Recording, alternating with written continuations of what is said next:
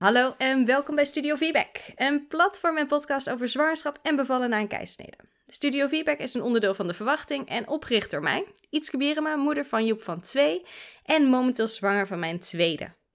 Ik heb nu zelf de grote wens voor vaginale bevalling en omdat Joep met een keisnede is geboren, heeft dat een speciale naam, namelijk een VBAC, een Vaginal Birth After Cesarean. In deze podcast deel ik mijn persoonlijke ervaringen en daarnaast vind je hier inspirerende ervaringsverhalen en informatieve expert-interviews die bijdragen aan mijn en als je mijn wens deelt, ook jouw persoonlijke feedback journey. Zoals altijd begin ik uh, met een affirmatie en die van vandaag is ik ben veilig. Hopelijk heb je een vertrouwd team om je heen als je gaat bevallen en ben je op een plek waar je het meest veilig voelt. En ik denk zo'n zin kan je helpen vertrouwen dat je het echt allemaal goed hebt voorbereid. En dat je nu alleen maar op je lichaam hoeft te vertrouwen. En dat jij en je kindje het samen doet.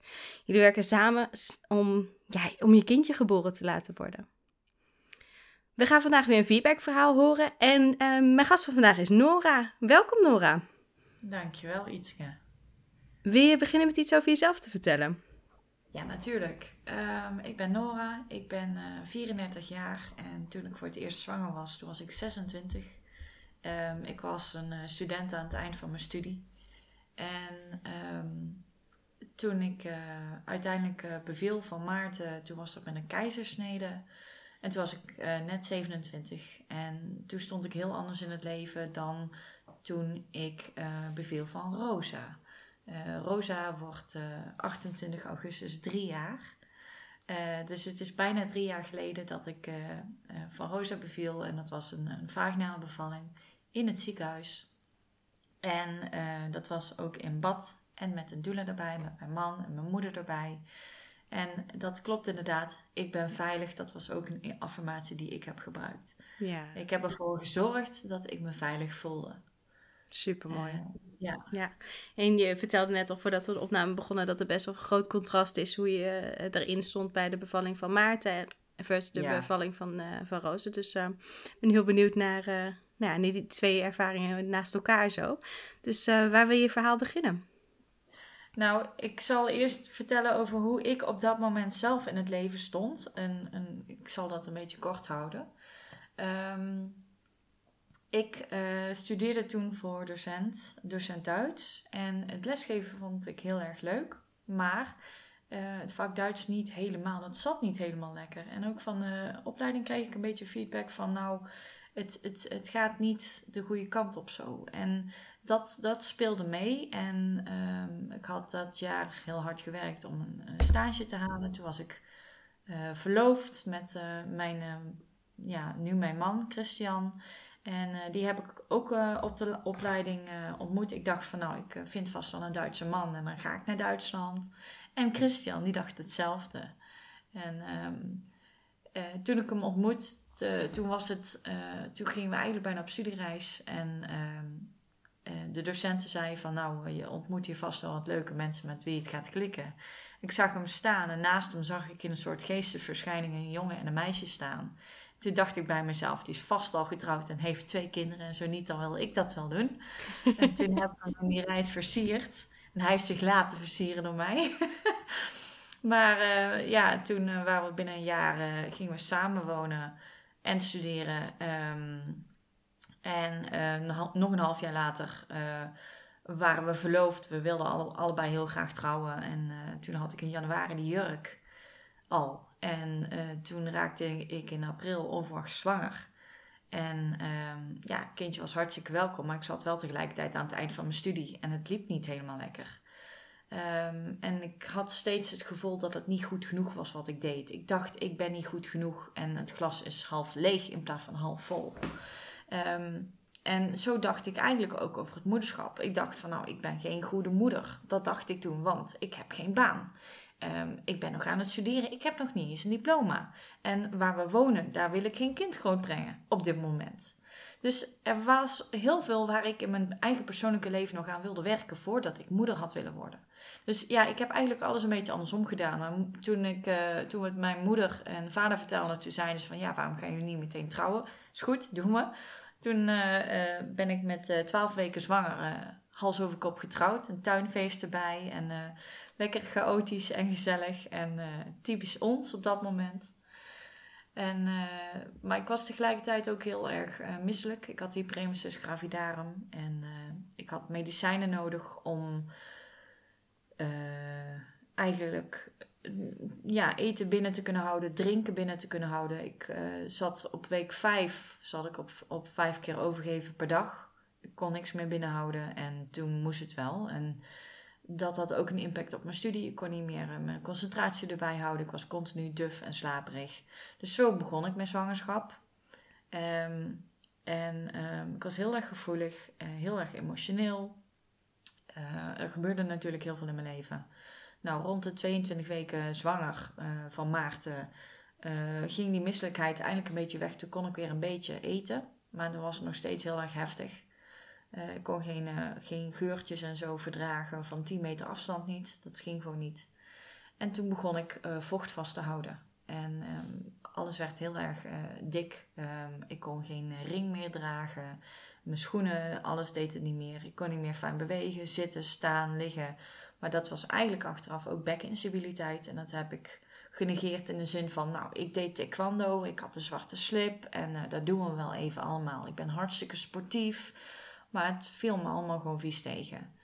Um, nou, en toen had ik nog een tentamen staan, net voor week 34. Dat was literatuur. En ik dacht van, nou, dat uh, wil ik voor de zwangerschap, et cetera, al hebben afgerond. En, um, maar ja, de avond van tevoren had ik uh, heel veel paniek. En ja, eigenlijk een paniekaanval. Van ja, het ging me niet lukken. Nou, achteraf gezien weet ik beter, maar daar kom ik later op terug. Um, ik had het makkelijk kunnen halen, maar ik dacht gewoon dat ik het niet kon. Hè, dat was weer mijn eigen gedachte waarvan ik zei van nou, ik kan dit niet, het lukt me niet. Um, en uh, nou, uh, in die nacht draaide Maarten in mijn buik. Hij lag eigenlijk al ingedaald en hij draaide weer naar boven. Hij voelde natuurlijk mijn paniek en hij draaide gewoon naar boven. Tenminste, zo was dat bij mij. Ik zeg niet dat dat bij anderen zo is, maar zo heb ik dat ervaren en geïnterpreteerd bij mezelf. Ik hou het vooral persoonlijk. Ja, heel goed. Ja.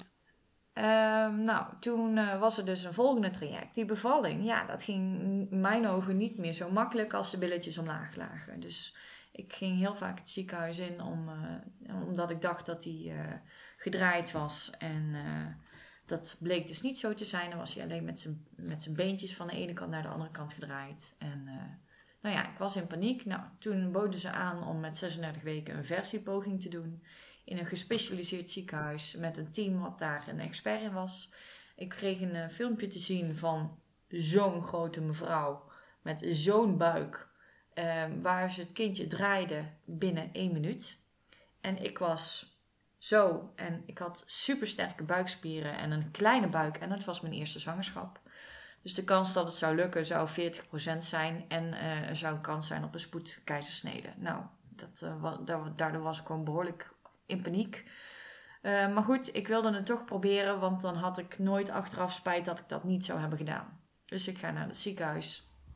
En um, ze leggen mij aan een infuus uh, uh, voor die baarmoeder, dat die niet strakker wordt, maar ontspannen blijft. En ze beginnen met draaien en dat deed mij heel erg veel zeer. En ik zei tegen Christian, je moet nou in mijn voeten knijpen, zo hard als je kunt, om het een beetje tegen te houden. En uh, nou ja, uh, hij kneep zich een ongeluk, uh, maar die pijn, dat was gewoon niet te harde. En ik, ik stak dat niet onder stoelen of banken, maar ik ben ook een stoere meid. Ik bedoel, ik kan heel veel aan, maar dat deed zo'n zeer. En ik had er al heel veel moeite mee en dat lukte me niet te draaien. maar hij verschoof geen centimeter. En toen werd er nog een gynaecoloog bijgehaald, een mannelijke gynaecoloog. En... Um, die kwam binnen en die begon uh, te trekken. En zijn elleboog trilde gewoon helemaal vlak langs mijn gezicht. Zoveel kracht zette hij op mijn buik. En op de baarmoeder en op mijn kindje. En um, toen zei ik, au, au, au. En toen keek hij me aan. Hij zei, vanaf nu houd jij je mond dicht. Pardon? En, precies. En ik was helemaal in shock door wat dat voor een impact had op mij. Dat ik mijn mond moest houden ik besefte dat helemaal niet zo goed. Ja, en ik werd eigenlijk monddood gemaakt. Tenminste, dat was zijn intentie. En um, toen zei ik uh, na, uh, na, na twee minuten of zo uh, dat hij moest stoppen. En toen zei ik van stop maar, hoeft niet meer. stop maar. Achteraf gezien was dat een, eigenlijk een traumatische ervaring voor mij. Ik had uh, vanaf toen een uh, te hoge bloeddruk, uh, continu stress. Ik voelde me helemaal niet meer lekker. En ehm, continu stress. En ehm, ja, als je een natuurlijke bevalling wil hebben, dan is het juist belangrijk dat je knuffelhormonen hebt. En hè, die oxytocine moet hoog zijn en niet die adrenaline. Dus daar lag voor mij een hele grote basis of ja, reden Um, waarom het daarna ook niet meer zo lekker ging. Ik had continu pijn. Um, ik kon niet meer goed lopen, bewegen, zitten of staan. Eigenlijk ook door de bekkeninstabiliteit. En nog deze ervaring erbij. En een hoge bloeddruk. En een kindje wat met de billetjes omlaag lag. En gewoon ja, het stukje dat het met de studie ook niet goed ging. Ik voelde me helemaal niet prettig. En uh, ja, iedereen die sowieso tijdens uh, mijn zwangerschap had gezegd: Oh, geniet ervan, gefeliciteerd en zo. Ja, die kon ik wel wurgen, want ik had ik had geen fijne zwangerschap, ik had geen fijne ervaringen. En toen moest ik ook nog eens mijn mond houden. Nou, dat was echt heel veel. Nou, en toen kwam ik dus uh, rond uh, kerstmis, uh, net na kerstmis, nee, net voor oudjaarsdag, 1, 1 januari was hij uitgerekend. En mijn vriendin zei tegen mij van, wedden, hij, hij gaat vast wel met kerstmis komen, heb je een kerstkindje. Nou, daar schoot ik nog meer van in de stress. Dat weet ze natuurlijk niet. Maar dat wilde ik dus absoluut niet.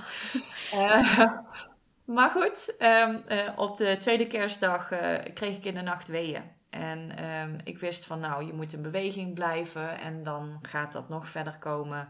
En dus ik had een hele fijne roze skippybal. Daar zat ik op in de nacht. En ik dacht van nou, ik maak Christian niet wakker. Want hè, um, ik moet toch een groot deel alleen doen. En ja, hè, wat uh, heeft dat nou voor zin? Die weeën die komen en op een gegeven moment kwamen ze om de minuut. En, uh, maar ja, op een gegeven moment werd het ook weer minder rond 6 uur in de ochtend. En ik denk van ja, dit zet niet door, dit heeft geen zin. Ik ga naar bed. Ik ben uh, naar boven gelopen, ik ben in bed gekropen. En ik was uitgeput. Hè? Ik had de nacht weer doorgetrokken met weeën en er zette niks door. Dus de dag daarna, op de zondag, uh, zat ik uh, huilend bij mijn ouders aan tafel. Dat ik gewoon uitgeput was en dat ik niet meer kon. En uh, ja, toen, eh, toen zei ik van nou, dan gaan we maar gewoon naar het ziekenhuis. En dan laat ik die keizersnede toch maar inplannen. Maar dat was het allerlaatste wat ik eigenlijk wilde. Maar ik zag op dat moment gewoon geen uitweg meer.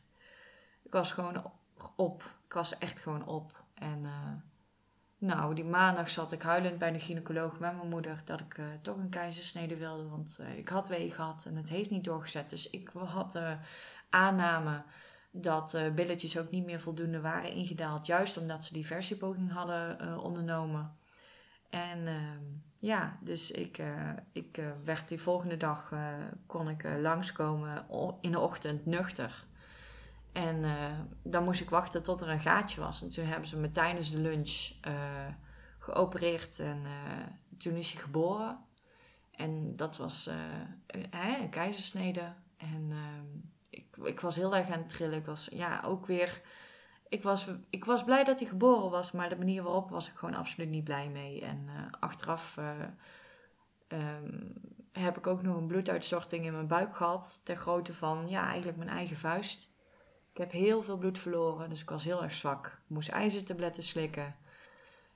Maar gelukkig ging de borstvoeding wel op gang en kon ik eindelijk leren om, om bij te komen. Maar ja, ik had ook nog die bekkeninstabiliteit. Dus het liggen met een keizersnede doet ook heel erg veel zeer aan mijn rug. Maar ja, ik, ik gaf het toen geen naam. Ik, ik zei van, nou, dat is gewoon pijn die bij de bevalling en alles hoort.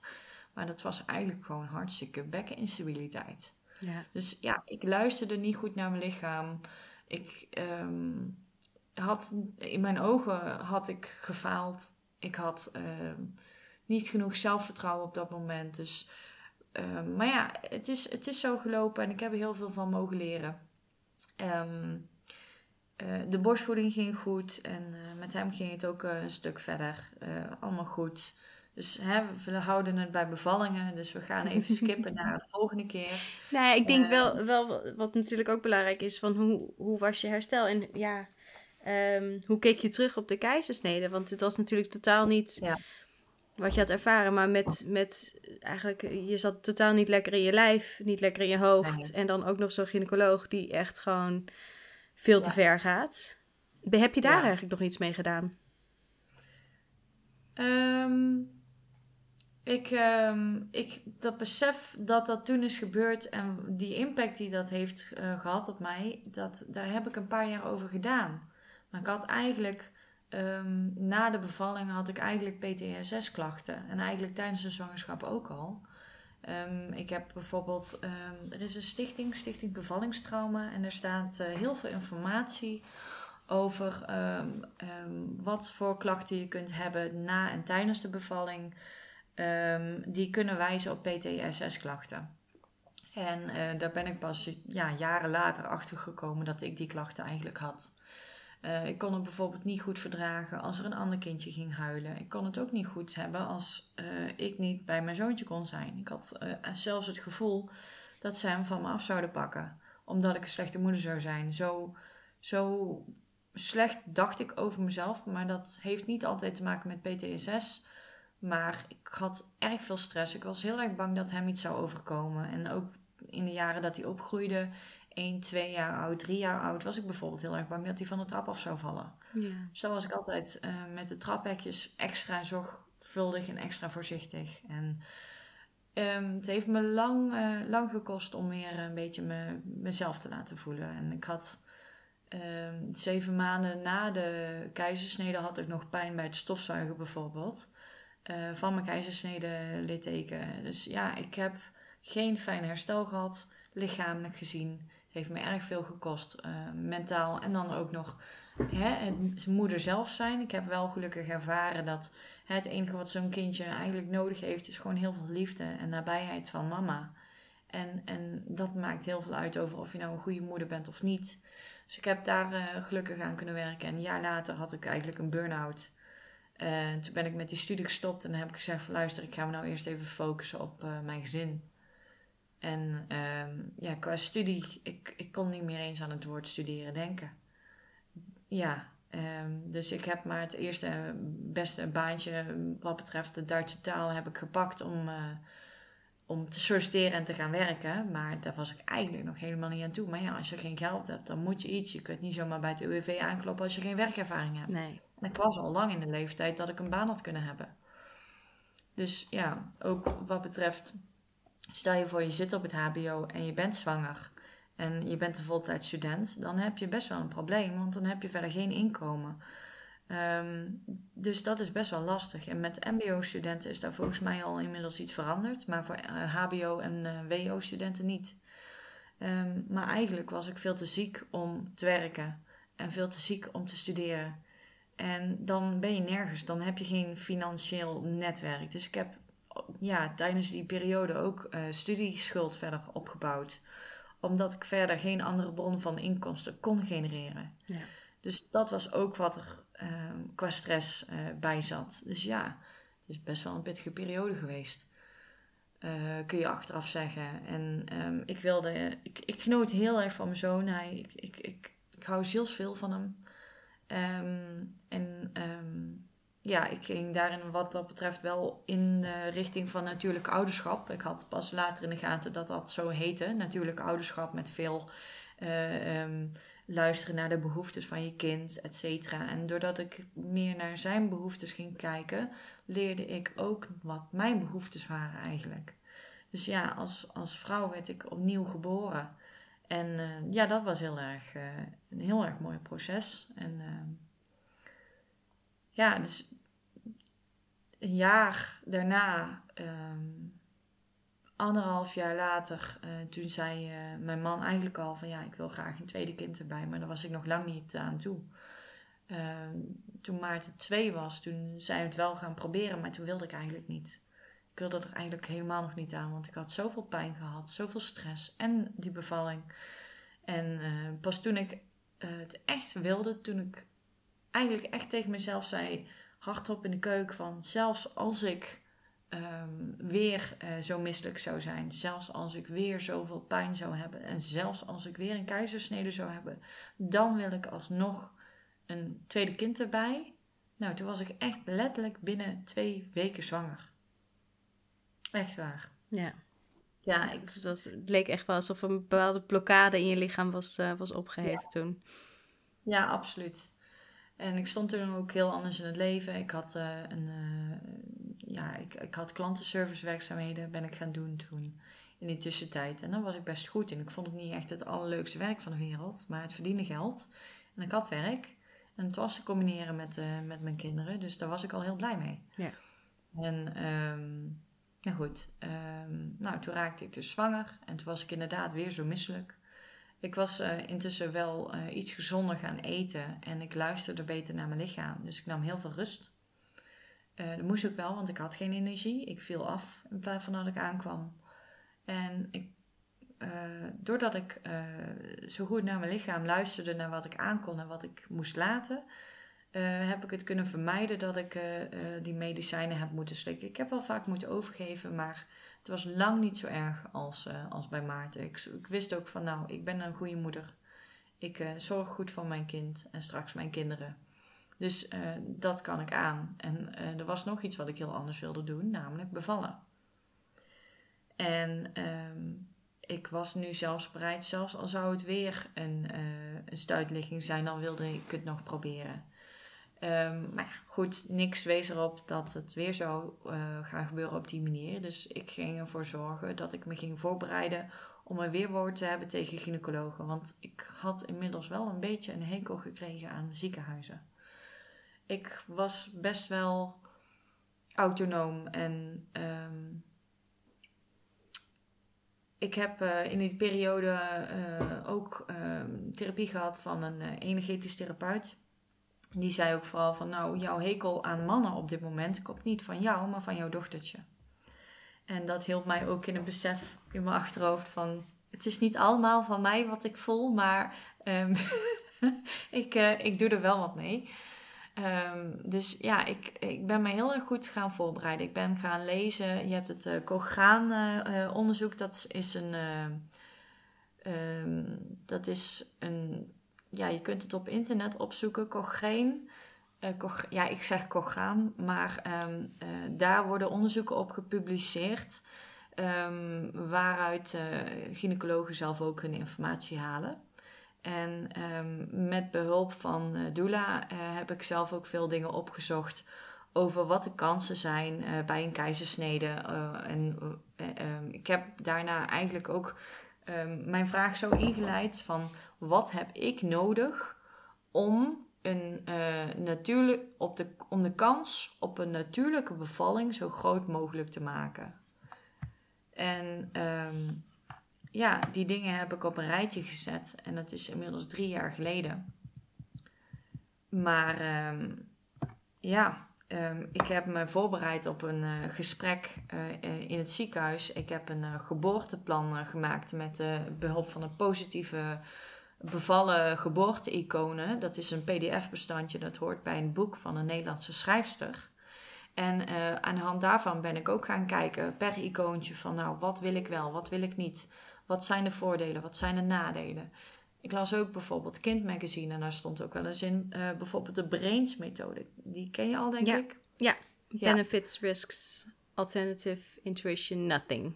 Is dat volgens mij die dan bij een dilemma afgaat van... Ja, het is een soort van handvat om een keuze te maken. Ja. ja.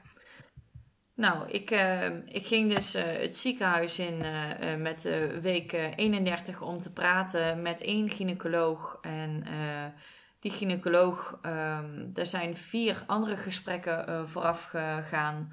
Um, voordat ik eigenlijk één vaste gynaecoloog toegewezen werd.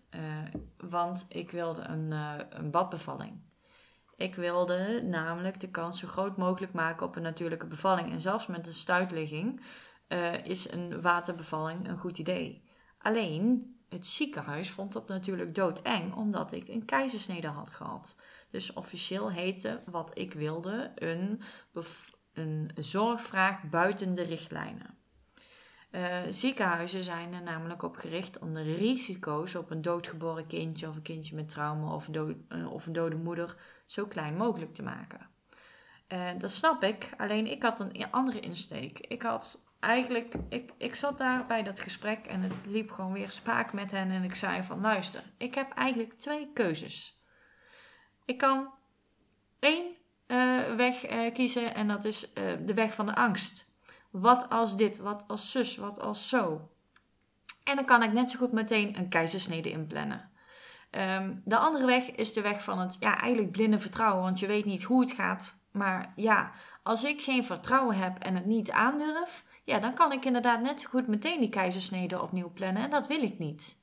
Dus jullie zullen met mij mee moeten werken, want ik, dit is wat ik wil. Het is mijn lijf en het is mijn zelfbeschikkingsrecht. Ik ben niet ziek, ik ben geen patiënt, ik ben gewoon aan het bevallen. En dat is een heel natuurlijk proces en dat zijn honderden, miljoenen jaren waar vrouwen uh, dit al hebben gedaan. En ja, oké, er zijn ook een aantal vrouwen geweest waar het niet goed is gegaan, maar ik vertrouw op mijn lijf en ik vertrouw erop dat mijn lijf dit kan. Uh, anders dan plan ik wel meteen een keizersnede in en dat gaan we niet doen. Hè, want ze zeiden ook al van ja, maar er bestaat ook een kans dat je kindje doodgeboren wordt. Ja, die kans is er altijd. En um, um, zeker. En het is heel erg verdrietig als dat uh, gebeurt, absoluut. Maar, uh, hè, en ik vind het ook heel erg verdrietig voor de mensen die dat hebben meegemaakt en de gynaecologen die daarbij waren, snap ik. Ik snap dat je dan een beetje koude voeten hebt. Maar ik wil de kansen op een natuurlijke bevalling zo groot mogelijk maken. En daarom heb ik dit zo ingepland. Zo vast, uh, dit is mijn planning, zeg maar. Dit, ja. En natuurlijk, een bevalling gaat nooit volgens plan. En er kan altijd iets anders gebeuren. Maar um, ja, uh, iedere vrouw heeft het recht om te bevallen waar zij wil. Ook als je één of meerdere medische indicaties hebt. En dat feit gaf mij de kracht om het ziekenhuis mijn wensen mede te delen. Om hard te maken voor de punten waar ik niet voor wilde te wijken. En ik heb dus ook alle cijfertjes uh, uh, erbij gehad.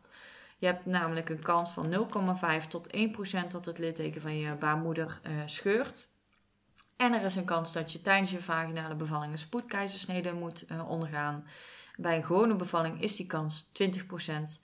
En als je een eerdere keizersnede hebt gehad, dan is die kans drie jaar geleden 25%. Oftewel, omgedraaid, 75% van de vrouwen die na een eerste keizersnede bevalt, um, die bevalt gewoon vaginaal. 75% Dat vind ik toch wel een heel mooi getal. En bij de dames, uh, ik, had, ik had er ook met mijn doula had ik daar een gesprek over van ja, maar wat nou um, als die ontsluiting niet verder vordert? Wat nou als mijn bekken te klein is? Toen zei ze van nou, als jouw bekken te klein is, dan uh, stagneer je op 7 centimeter. Um, en dan, dan merken ze dat. Um, dus als jouw bevalling verder gaat na die uh, eh, 7 eh, centimeter ontsluiting, dan, uh, dan, is daar, dan is het niet te klein. En um, ik wist ook van, nou ja, als je een natuurlijke bevalling uh, wil bevorderen, dan moet je zeker niet op je rug gaan liggen. Want jouw staartbeentje heeft extra ruimte nodig. Als jij uh, vrij bent en niet ergens tegenaan ligt met jouw rug of tegenaan leunt met jouw rug, dan heb je 3 centimeter meer speling. Ehm, daarnaast moet je uh, met de zwaartekracht meepersen. En uh, dat helpt ook uh, um, met de bevalling mee. Hè? dus ik, ik heb al die dingen op een rijtje gezet voor mezelf. Um, en je hebt het risico dat je kindje schade oploopt tijdens een vaginale bevalling. Maar dat is hetzelfde risico bij vrouwen die eerder geen keizersnede hebben gehad. ja, dat is oh, 2% ten opzichte van een keizersnede 1%. En daarnaast heb ik gevraagd aan het ziekenhuis van nou, wat verstaan jullie onder voetale nood? Want ik wilde weten van nou, wanneer gaan zij panieken? En uh, nou, dat is als de hartslag van het kindje onder de 100 duikt. Uh, dan weet je dat je op moet schieten. Of dan, dan kunnen zij zeggen van wij willen nou gaan ingrijpen Um, want uh, het gaat niet goed met de hartslag van je kindje. En dan moeten ze alsnog om mijn toestemming vragen om, uh, om iets aan mijn lijf te doen. Want ik ben de baas. En als jij gaat bevallen, dan ben jij de baas. Uh, en niet het ziekenhuis. En, en wat ik heel vaak op het internet las, was dat ze dus gewoon zeggen, zeiden van ja, van het ziekenhuis mocht dit of dat niet. Nou, sorry, maar jij bent de baas.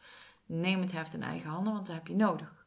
Ik had het heel hard nodig voor mijn eigen bevalling. En daar ben ik blij om dat het me gelukt is om mij zo hard te maken. Ja, het kostte me wat stress. Kostte me wat confrontaties, maar dan heb je ook wat. In mijn geval. Ja, ik was er heel erg blij mee. Ja. Want je zat vooral natuurlijk, eh, zeker, ik kan me voorstellen, zeker bij het scenario van uh, nog een stuitligging en dan uh, vaginaal willen bevallen, dan dat vinden ze extra spannend. Maar wat waren verder je bevalwensen en zeker in het geval van dat het gewoon een hoofdligging was? Um, ja, wat waren verder mijn wensen? Um, ik uh, had uh, een hekel aan uh, CTG. Ik heb ervoor gezorgd dat ik bewegingsruimte had. Um, ik heb bijvoorbeeld het ziekenhuis uitgezocht. En dat is toevallig in regio Eindhoven het enige ziekenhuis waar je telemetrie hebt. telemetrie, voor degenen die dat nog niet weten, is dat je niet vastzit aan een monitor Ehm, maar uh, dat je zeg maar twee knoppen op je buik hebt en die banden. De ene meet dan de hartslag en de andere meet dan de weeënsterkte. En voor de rest kun je vrij rondbewegen. En die dingen die kunnen het ook heel goed onder water doen. Ja, het is gewoon echt een ehm, draadloze CTG. Uh, eh, ja, een draadloze CTG. En uh, er zijn steeds meer ziekenhuizen die daarmee werken. Want je wilt toch niet vastzitten aan een lijntje als je gaat bevallen. Um, ook als het je eerste keer is, dat wens ik niemand toe. Echt, dat, echt waar. Dat is gewoon, dan, dan ja. Dus dat wilde ik. En het ziekenhuis uh, uh, wat ik heb gekozen, deed dat. Um, en uh, ik wilde bevallen in een ehm, opblaasbaar bevalbad en niet in een vast bevalbad. Want ze, lieten mij ook het vaste bevalbad zien. Het was zeg maar gewoon één langwerpige badkuip, net zoals je ziet in een badkamer, maar dan iets breder. Nou, en dan met van die harde randen in zo'n kille koude ruimte. Ik zou het niet kunnen, echt niet. Ik was heel erg blij met mijn uh, eigen bevalbad. Dus die had je zelf, uh, ging je zelf regelen? Nee. Hadden ze dat ook in het ziekenhuis? ja, zij, zij hebben twee bevalbaden. En uh, één uh, vast langwerpig bevalbad. En ik heb van tevoren bij het bellen van jongens, ik kom eraan. En uh, bij het bespreken van mijn geboorteplan heb ik ook aangegeven van jongens, hou er rekening mee dat ik een badbevalling wil. Want ze hadden ehm, het zo gebouwd dat de nieuwere bevalsuites, die konden het gewicht niet aan van een bevalbad. Dus dat kon alleen in de oudere bevalsuites. Dus wat hadden ze gedaan? Ze hadden mij in een van die oudere gezet. Ehm, maar dat was dan wel meteen de ruimte die werd uh, gebruikt eigenlijk voor tweelingbevallingen. Dus er was meer ruimte om eromheen te lopen. Oh, fijn. Dat vond ik wel handig. Ja, ja super. ja. Dus ik denk wat ze, wat ze vooral dan spannend vonden is dat wat een zorgvraag buiten de richtlijn was dat je uh, geen CTG wilde. Of een draadloos CTG. Dus dat is eigenlijk niet eens tegen de richtlijn in, toch? Nee. Uh, precies. En um, ik wilde eigenlijk... Um, uh, toen ik uh, naar bed ging, uh, ik, laat ik zo zeggen, toen ik werd, uiteindelijk naar het ziekenhuis ging, ik wilde zo lang mogelijk wachten en de bevalling zelf de tijd geven om op gang te laten komen. Maar inmiddels was ik over de 42 weken.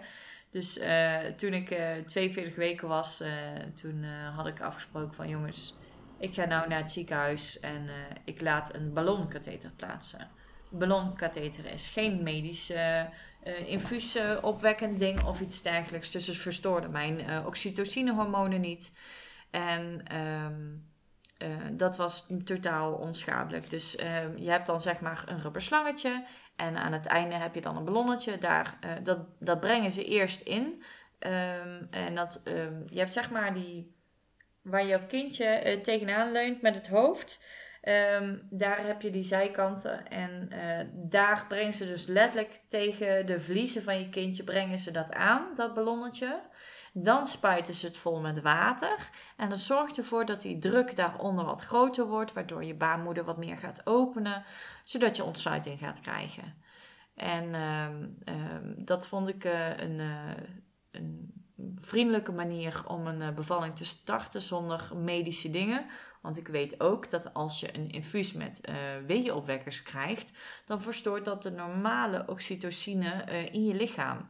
En als dat gebeurt, dan, dan daar zitten nogal wat risico's aan vast. Um, wat ik nog uit mijn hoofd weet, is dat um, jouw oxytocine zelf wordt verstoord. En jouw oxytocine zelf is ook meteen jouw, jouw pijnstiller um, van nature. En uh, dus dan heb je meer pijn. en ehm, ehm, ja, al draaien ze het ding omlaag, bij sommige vrouwen kan het een weeënstorm uh, veroorzaken. En een weeënstorm bij een keizersnede willen de mensen niet van het ziekenhuis. dus ze, ze gaan zo niet zomaar als je eerder een keizersnede hebt, voorstellen om met weeënopwekkers te gaan werken. Want dan kan het litteken in je, keizers, in, in je baarmoeder scheuren harder, sneller scheuren. Dus ja, het vergroot inderdaad de kans op een, uh, een ruptuur met een, uh, ja, een klein beetje. Ja. ja. Um, en ik wilde verder uh, zo laat mogelijk de vliezen breken. in mijn ogen is het breken van de vliezen een teken dat ze geboren wil worden. En ik wilde haar de vrijheid geven om dat zelf te beslissen. Ik heb gehoord dat kinderen met een nageltje de vliezen gaan krabben als teken van ik wil eruit. Uh, hè, dat het dan langzamer gaat lekken. Iets in die richting. Nou goed, ik had uh, gewacht tot een eh, centimeter of acht ontsluiting. En toen zei ik van nou, nou mag het wel gebroken worden. Maar de doula die zei al van nou, ik heb al wat vlokjes in jouw water zien drijven. Dus het was al zo. Dus ze waren al een beetje gebroken. Dus daar was ik heel blij mee. Ja, fijn. ik heb het een beetje opgeschreven Ehm, wat ik uh, allemaal aan eisen had. Oh ja, ik wilde ook de navelstreng volledig laten uitkloppen. Uh, voor na de uh, geboorte.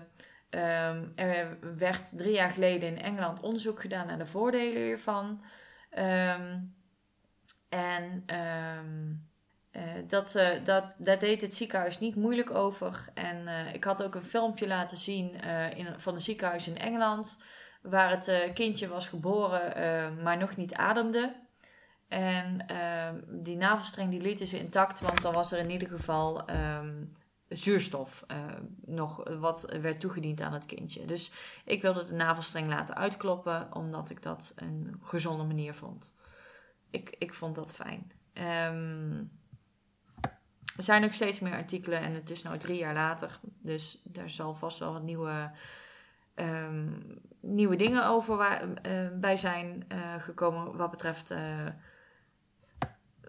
voordelen, denk ik. En um, even kijken, dokter Sarah Wickham heeft um, meerdere artikelen gelezen, ge geschreven over kunstmatig laten inleiden en wat daar de beperkingen van zijn. Daar heb ik mijn bronnen op gebaseerd.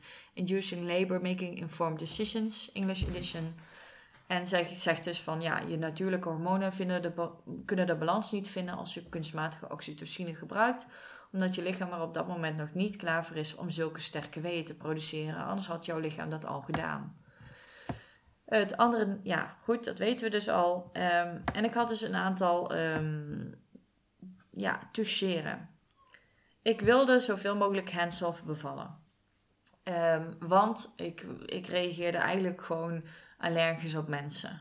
Ehm, daar komt het een beetje op neer. En ehm, kijk, je moet je tijdens je eigen bevalling zo veilig en geborgen voelen. Uh, dat je, uh, net als wanneer je op de wc zit te poepen. Dus als je gaat bevallen, moet je een zodanige situatie creëren dat jij in alle rust jouw ding kunt doen. Daarom zei ik van tevoren: ik wil zoveel mogelijk een hands-off bevalling. En uh, mijn doula die uh, had uh, met mij zes weken na de bevalling een mooi gesprek. Waarin zij vertelde dat dat inderdaad ook is gerespecteerd. Kijk, bij mij was er een, op een gegeven moment helemaal roes en lekker een wazig gedoe in mijn hoofd. Uh, van die bevallingshormonen. Dus ik had dat niet helemaal meegekregen. Maar naarmate die bevalling vorderde, um, was het dus ook zo dat uh, die um, verloskundige zich helemaal verder terugtrok. Want ze zag gewoon dat ik het hartstikke goed deed. De waren sterk genoeg, et cetera. En die trok zich dus steeds meer terug. En op het eind dat ik ging bevallen, toen vroeg mijn moeder aan mij: Wil je nog dat er iemand bij komt? Uh, want je kindje gaat zo geboren worden. Wil je nog dat ik iemand ga halen? Toen dacht ik er alweer even over na. Zo, ja, doe maar, van mij mag het. Want zo was alleen je moeder, je partner en, uh, en de doula erbij. De doula. Ja. ja, en um, achteraf gezien denk ik van... Um, het had, ik had ook zonder haar, uh, zonder, de, zonder de mensen haar geboren kunnen laten worden. Uh, het was wel grappig. dus er kwam, die dame die kwam weer naar binnen.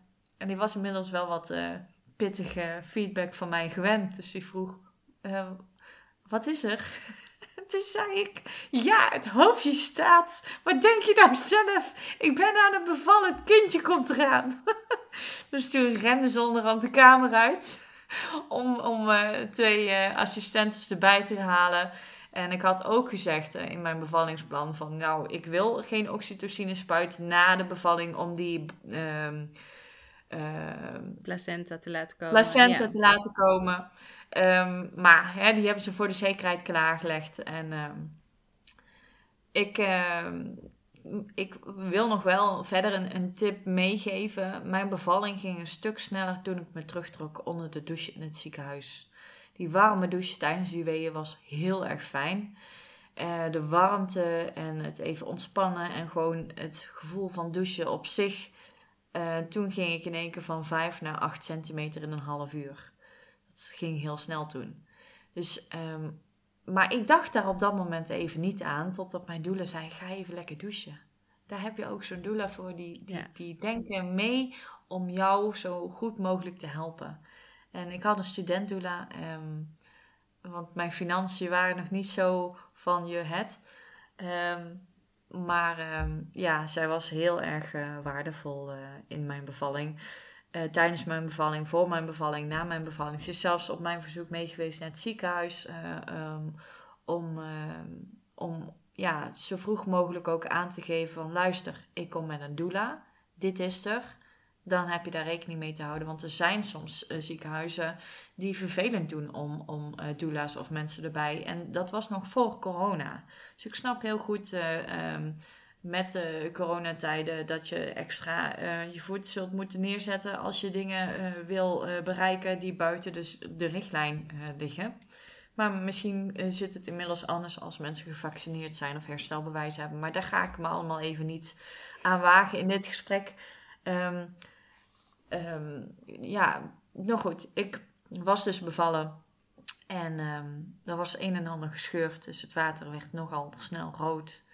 Dus uh, ik, uh, ik had mijn kindje aan de borst. Dat was allemaal heel erg fijn.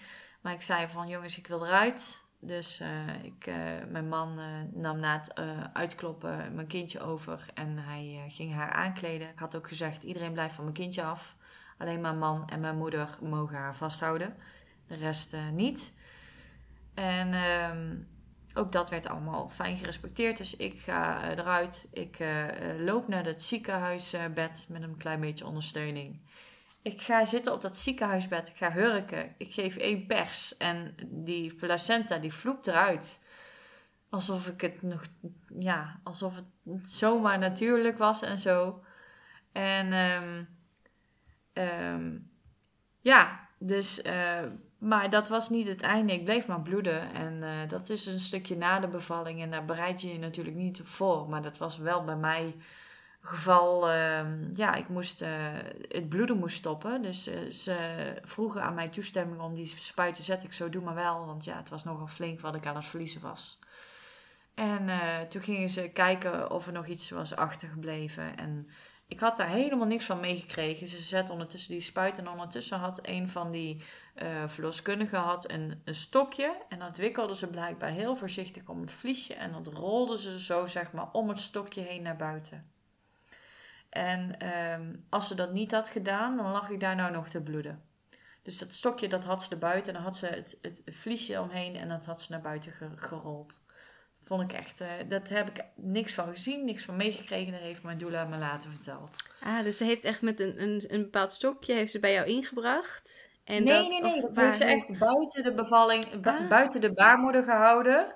Zeg maar, zeg maar um, echt ervoor, zeg maar, niet erin. Ah. Toen heeft ze het stukje vlies wat er buiten uitstak, zeg maar, eromheen uh, gewikkeld. En toen is ze gaan rollen, zeg maar. Om dat vliesje ah, er zonder te breken naar buiten te halen. Nou, ik heb helaas dat niet gezien. Ik had ook wel willen zien hoe dat vliesje eruit zag. Maar de placenta was er al uit.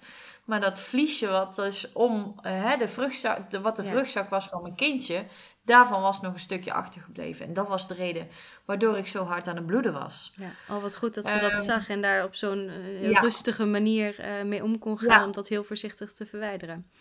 zij was dat aan het doen, maar die andere twee, die waren dus heel erg uh, onvoorzichtig mijn buik, mijn baarmoeder aan het masseren, zodat die zo snel mogelijk ging krimpen. Nou, dat was niet zo prettig. Daarna moest ik gehecht worden. Oh. Ik had zoveel kracht gezet erop dat ik nogal uh, wat hechtingen nodig had. En uh, ja, gelukkig had ze wat spuiten gezet. En uh, maar ik voelde verder helemaal niks daaronder, behalve die laatste hechting die ze zette. Want dat deed ze wel zonder verdoving. Dus ik zei, ik, ik gilde heel erg hard. Auw! Was echt niet zo leuk. Nee. Had ze niet moeten doen zo. Achteraf gezien had ik, uh, ik hè, ze had echt gewoon nog een spuit erbij moeten zetten, zodat het uh, niet zo'n pijn deed. Maar ik heb de dagen daarna daar uh, verder geen pijn aan gehad of iets dergelijks. Um, ik weet alleen dat als je op een lange bank gaat zitten met voeden met je kindje en je gaat weer overeind komen om ervan af te komen, dan moet je niet over die onderkant gaan schuiven, want dan gaan er hechtingen los. Hey. Even om mee te geven. Een kleine tip. een kleine tip. Um, ja maar um, ik voelde me uh, heel erg anders als vrouw. heel erg sterk. En um, ja, ik had heel veel voorwaarden geschept. Uh, ik heb opgezocht van nou, dit en dit en dit wil ik allemaal. Want ik heb gelezen dat dat helpt. En die heb ik nou allemaal volgens mij wel opgenoemd. Ja, dus ik, ik, ik sta er heel anders in als vrouw. Ik heb eigenlijk zelf actie ondernomen zelf de voorwaarden geschept voor mijn eigen bevalling. Zelf duidelijk gecommuniceerd naar het ziekenhuis. Mijn man stond uiteraard achter me. Had, eh, anders dan had het niet goed gegaan tussen mij en hem. ik heb een doula geregeld en mijn moeder als extra voor als Christian flauw zou vallen. Want hij zei zelf dat hij niet tegen bloed kon. Hij is niet flauw gevallen of niks. Kijk. Maar uh, ja, en, en ze hebben om de beurt hebben ze mijn uh, onderrug gemasseerd uh, toen ik rugweeën kreeg. Uh, maar achteraf gezien had die douche ook heel veel meerwaarde. Want als je die daarop zet, dat is zo fijn bij ja. rugweeën. Zo fijn. Oh. Ja, dat is een stukje pijnbestrijding. En ook wat je zei al, als je... Um, en dat effect heeft water sowieso in een bad of onder een douche. Je ja. neemt letterlijk wat makkelijker de ruimte in. En mm. mensen komen niet zo snel echt in your face. Want ja. je zit in het water. Dus Precies. ik denk dat dat ook altijd heel goed werkt om je te helpen terug te trekken. Om mensen ja. letterlijk even afstand te laten nemen. Dus ja. ik denk dat dat sowieso altijd een goede is om te proberen uh, tijdens een bevalling. En ook wat je zei, daar wil ik ook nog even op terugkomen. Wat betreft een doula meenemen als je daarvoor kiest uh, naar een ziekenhuisafspraak. Ook ja. altijd super goed dat je de rest van je, uh, de zorgverleners, dat iedereen elkaar kent. Um, en dat ze weten wie de doula is en hoe die erin staat. Want ja. ja. of nou corona is of niet. Maar nu, um, ja, sommige ziekenhuismedewerkers uh, kunnen het wat spannend vinden om zo'n extra persoon erbij te hebben. Kunnen bang ja. zijn dat de doula zich met uh, medische handelingen of, of besluiten gaat uh, bemoeien. Ook al is dat natuurlijk absoluut mm -hmm. niet de bedoeling. Maar als je elkaar dan een keer hebt ontmoet. En je weet hoe de ander erin staat. En je weet wat um, de zwangere van de doula nodig heeft en wil vragen waarom die persoon erbij is, dan kan dat ja. al het begin zijn van een veel fijnere samenwerking. En ja. ik doe zelf ook de opleiding tot doula, dus dat komt daar ook uh, in terug dat dat toch echt wel een hele goede stap kan zijn om, uh, om daar al op tijd mee te beginnen met die kennismakingen. Ja, goed bezig. Ik, uh, ik zou dat in de toekomst ook willen doen.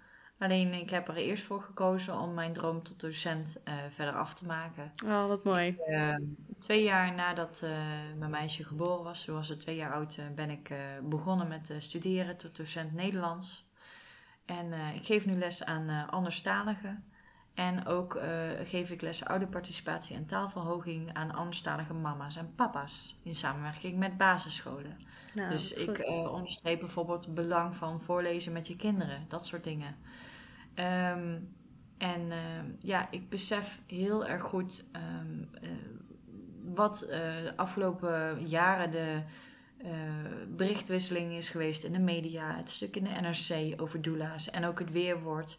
Er is zelfs bijvoorbeeld bij het Amsterdamse ziekenhuis een vaste doula in dienst. En dat doet ze al een aantal jaar. En ehm, ja, doulers zijn eh, goed om ehm, jou te helpen bij jouw bevalling. En ik snap dat ziekenhuizen de risico's graag in de gaten houden. Maar er moet veel meer worden gefocust op wat een zwangere vrouw nodig heeft. Wat om de kansen op een natuurlijke bevalling zo groot mogelijk te maken. En, en daarin is voorlichting zo belangrijk. En daar zijn doula's ook heel erg belangrijk bij. Ehm, want die uh, hebben daar eh, dat, dat vertrouwen in jouw lichaam, in jouw lijf. Die hebben meerdere bevallingen begeleid. En die zijn niet medisch verantwoordelijk. Die zijn er voor jou. En ehm, eh, zij kennen ook de medische risico's, want ja, zij werken ook met dezelfde gegevens als waar gynaecologen meewerken. En het, het is niet een, een, een ja, het is, ja, al, al zou je 100 euro per maand sparen voor een goede doula, of hè, ehm, het is het waard.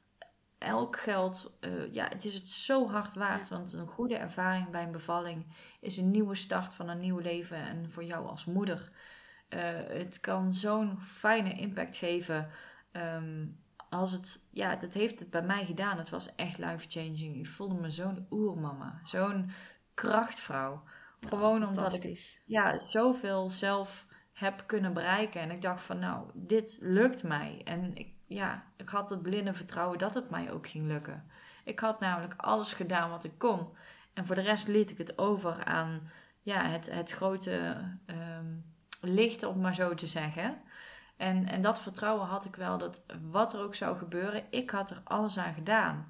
En in die manier had ik er ook vrede mee dat wat er ook zou gebeuren. Stel je nou voor uh, dat ik dacht dat het niet goed zou gaan bij mijn kindje. Dan had ik ook gezegd van luister, jullie komen nu als een sodemieter hier. En jullie zorgen ervoor dat ik nu een keizersnede krijg. Want het gaat niet goed met mijn kindje. Dat is ook zorgen voor jezelf en voor je kindje. Als jij denkt dat het niet goed gaat, dan trek je aan de bel en zorg je dat je gehoord wordt. Jij bent de baas, jij bent de mama. En...